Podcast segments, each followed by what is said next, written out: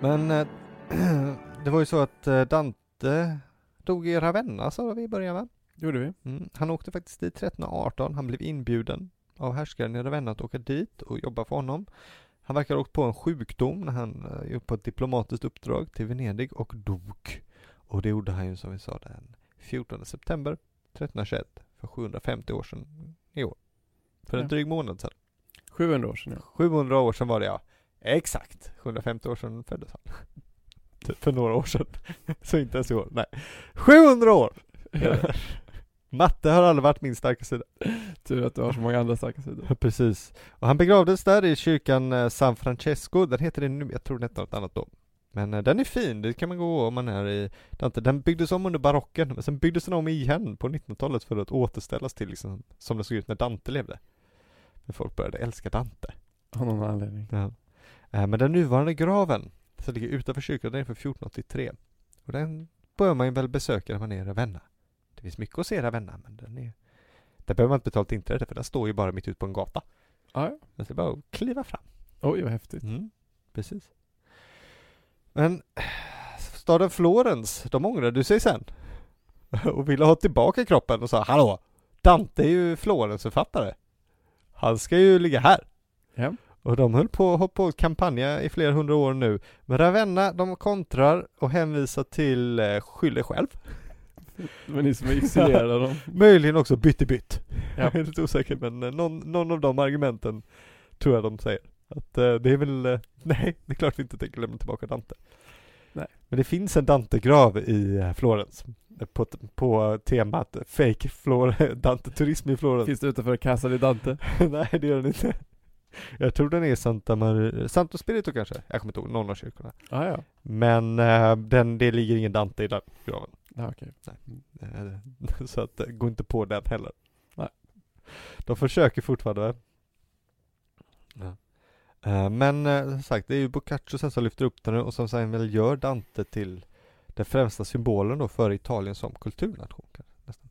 Dante är väl liksom synonymen för italiensk kultur. Kan man säga. För det, jag, tror, och det, jag tror inte det finns en enda stad i Italien som inte har en Piazza Dante. Det är väldigt intressant ändå just Mm. att det är han som är den stora symbolen för det och inte liksom Petrarca eller någon av de andra, liksom Ariosto eller Boccaccio. Nej. De förstår man kanske, kanske att det inte är. Nej, de har inte blivit lika kända i efterhand. Men det är väl som du sa i början, det är väl för att Dante är så bra tror jag. Ja. Eh, faktiskt. Och samtidigt också ganska uppbygglig. Ja, nej men det är också, Ni står ju för mora- moral och ordning och sånt där. Ja. det är, det är inte så många som vill bygga sin kulturidentitet på Boccaccio kanske. Det hade varit ett roligt Det land. var ett otroligt land. Jag hade skålat för dem. Ja, exakt. Oh, det var sorgligt nu när vi tänker på att Dante dog, men vi får väl leva, vara glada med att vi har en texter kvar i alla fall va? Det har vi, vi har mycket att vara glada för att han har funnits och Ja. att han har arbetat.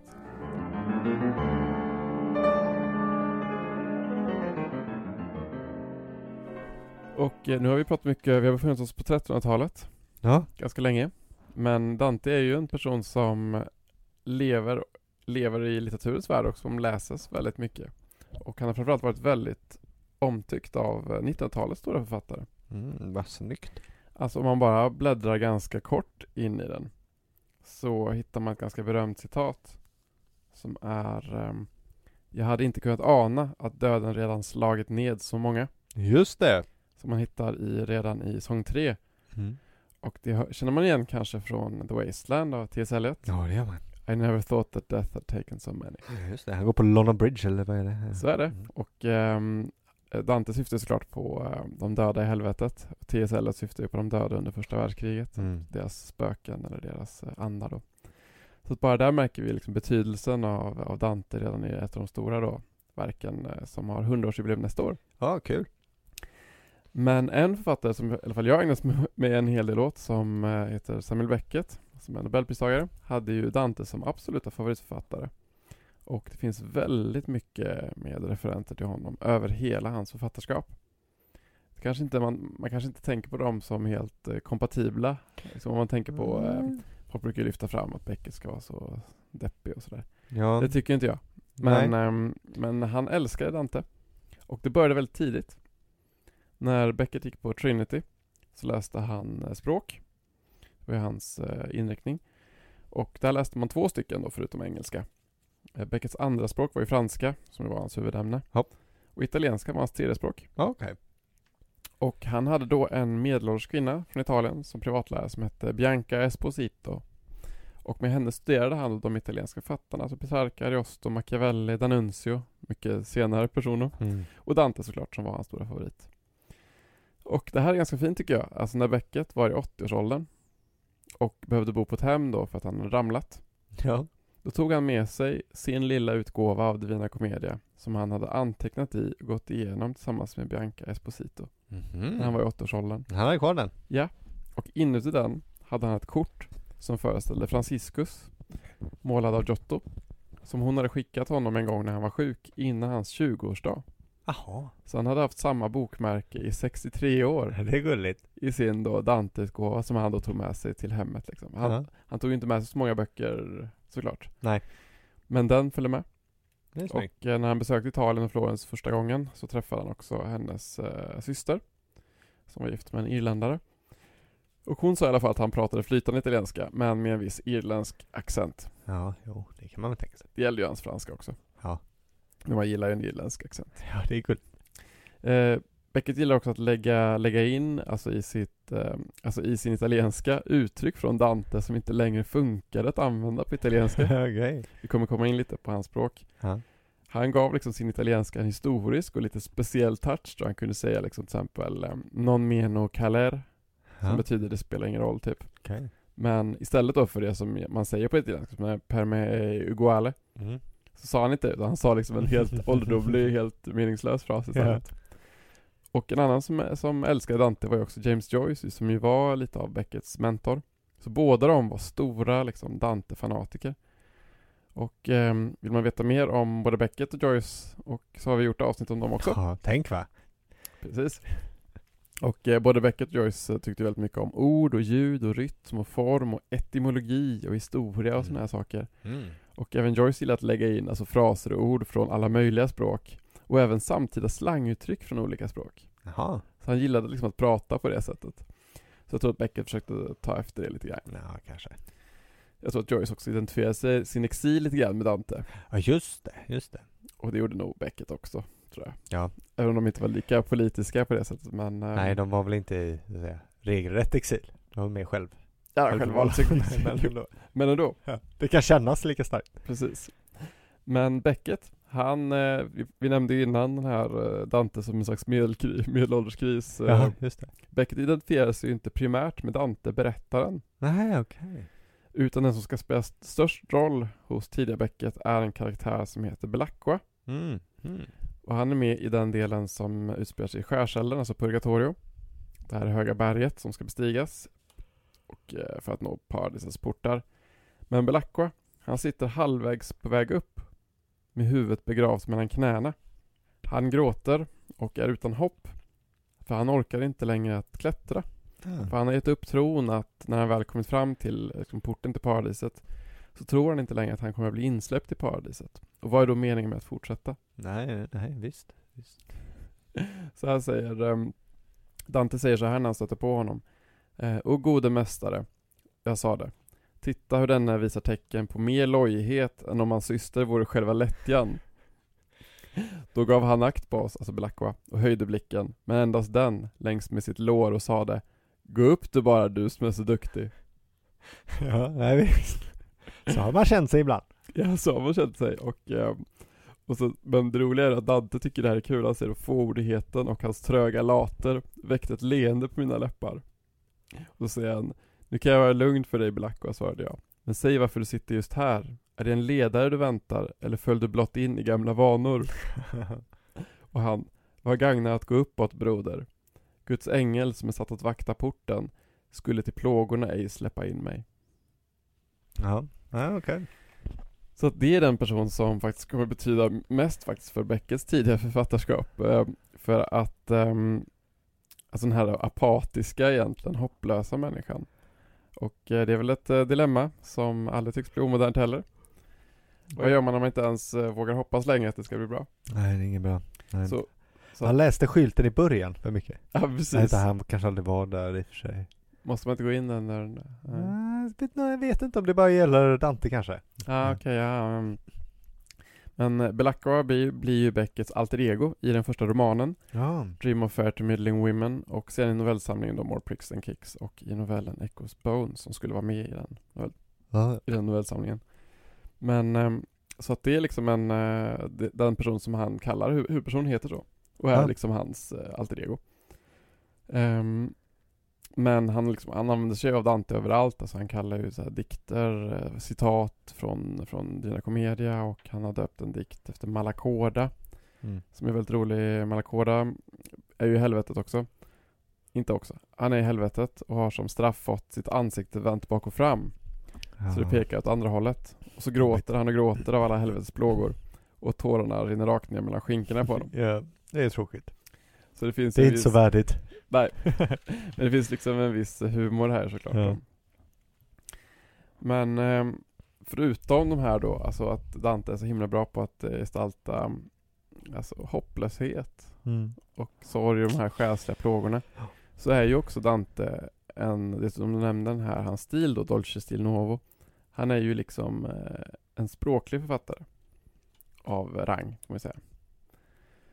Och det har ju då med klart med italienskan att göra. Alltså både Dante och Petrarca ville väl ha ett gemensamt Italien va?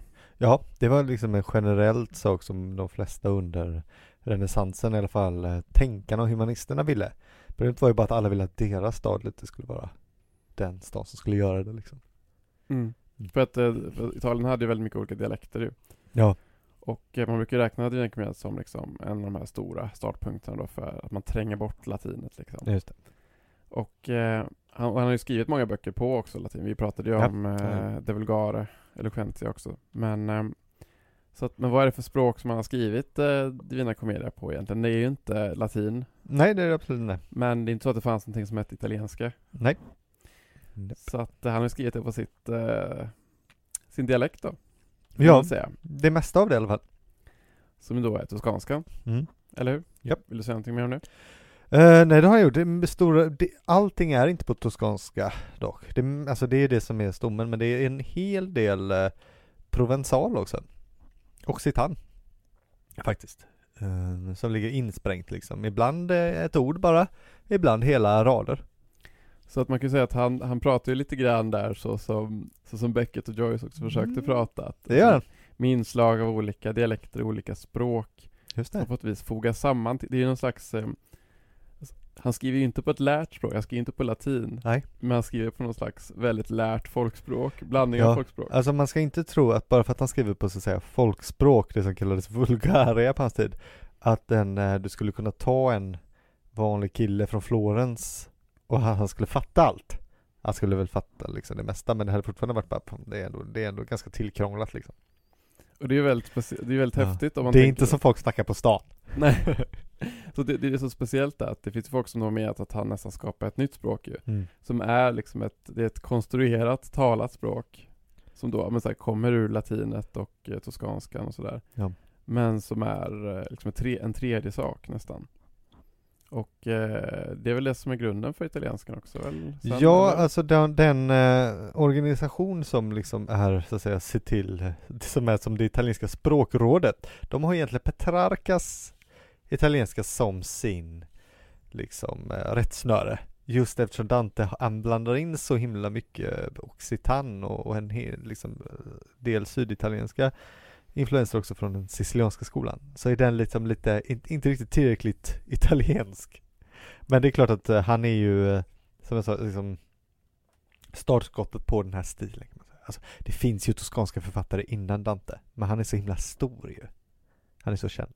Så att eh, det blir, det blir ju så. Så, även- så även där kan man liksom också se då en koppling till också de, alltså många av de stora författarskapen under 1900-talet som, som ju skriver någon slags stiliserad tal eller tänkt språk. Vi har ju, ja men James Joyce exempel och Stream of Consciousness som ju skriver på en jättesvår folklig, alltså talspråkig stil. Ja. Med korta meningar och snabba associationer och eh, som ju, men som på ett vis bygger på inte ett eh, akademiskt språk på det Nej, just- sättet. Just det, nej det är sant. Även Beckets, liksom, eh, inte hans första verk, men sen hans stora romaner sen som kommer, alltså trilogin och sådär, så skriver ju han också på, då skriver han på franska. Men ja, folk brukar mena att han skriver på en ganska, mm, skolboksfranska och det har jag inget svårt att föreställa mig. Men han skriver ändå talat språk, Ja. någonstans, ett enkelt, liksom, tillgängligt språk. Men sen finns det ju alltså alla de andra alltså, som, eh, som Céline och sånt där som skriver på en slags ja men konstruerat talspråk. Ja. Där finns ju då Dante som en ganska rolig parallell i det. Nej, det är sant. Men det finns också en sista grej som jag tänker är en av de stora varför Dante känns så modern Aha, och varför han är så speciell. vadå? Och det har ju med hur han är så öppen med språkets och fantasins gränser. Mhm. Mhm. Och Mm. eh, jag har några citat där som jag tänkte läsa som är väldigt fina ur den, ur den liksom grejen. Ehm, men han, han säger till exempel så här i helvetet då. Eh, vem skulle någonsin, om än på prosa, han gång på gång försökte kunna skildra de sår och allt det blod jag nu fick skåda? Alltså han, han är väldigt öppen med sin, eh, med sitt, att han inte, att han inte kan. Ja, ja. Alltså språkets liksom begränsningar. Mm. Han säger också, mm, också i helvetet eh, eh, Fråga ej läsare hur stum och iskall jag blev i denna stund, ty därom skriver jag icke, här finns inga ord som räcker.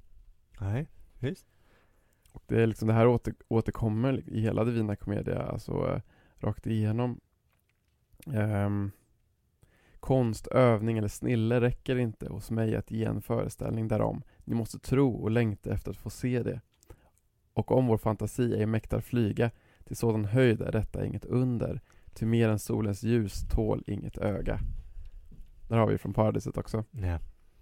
Och eh, lite längre bak i paradiset säger han också det jag fick se är större än vad språket kan återge och både ord och minne måste för sådant övermått ge vika. Så som när någon haft en syn i drömmen och ingenting kan minnas men är uppfylld av känslan som det drömda efterlämnat. Sådan är jag, till den vision jag hade är nästan helt förflyktigad och ännu droppar den in sin sötma i mitt hjärta. Och det är ju liksom också en del av just också modern litteratur ju, alltså att um, men att det, att det inte går att fånga allting, språket är begränsat för att liksom fånga det, det liksom mänsklighetens tillvaro eller liksom allting. Och eh, Dante skildrar det hela vägen, att det han ser kan han inte skildra. För språket räcker inte till. Nej, det är fint. Det, på det sättet tror jag också att han blir väldigt modern någonstans också för, alltså han känns väldigt 1900-tal där. Ja, det var bra. Och det är väldigt vackert. Ja, faktiskt. Ja, det, var, det var sjukt. Det hade jag aldrig tänkt på. Du har inte det? Nej. Nej. Nej, faktiskt inte. Vad skönt att även vi kan lära oss saker av varandra. Det är det det handlar om tror jag. ja, jag känner att jag, nu känner jag mig att jag kan allt om Dante. Det var, ehm, det var fanns mycket att säga om honom. Ja, det var mastigt. Hoppas alla har tagit sig hela vägen hit ikväll. Till paradiset. Till paradiset, ja. Precis. Ja, behöver man fukta sin strupe. Ja, man måste nog Pratat det. så länge. Gud, vad man är torr nu. Ja. Så jag tänker att vi gör så här. Eh, ni som är där ute, ni kan... Vi, vi går och dricker öl. Och medan vi gör det så kan ni tänka så här. Skulle man kunna stödja det här på något sätt? Det här var ju så himla bra och trevligt. Jag önskar att jag kunde vara med på något sätt. Eh, så liksom få hänga med i den här, det här projektet att gå igenom alla tiders kultur och historia. Och då kan man ju gå in på Patreon. Och eh, slänga in en slant om man vill det.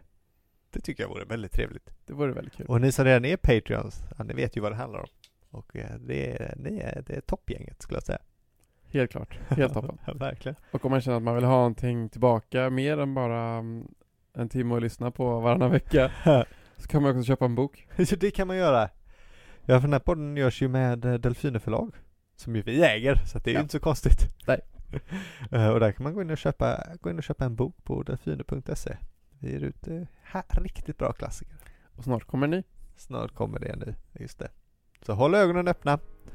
Följ allt på Facebook, på alla tiders Insta, så kommer ni helt uppdaterade. Och eh, så ses vi snart då. Det gör vi. Ha det gott där ute.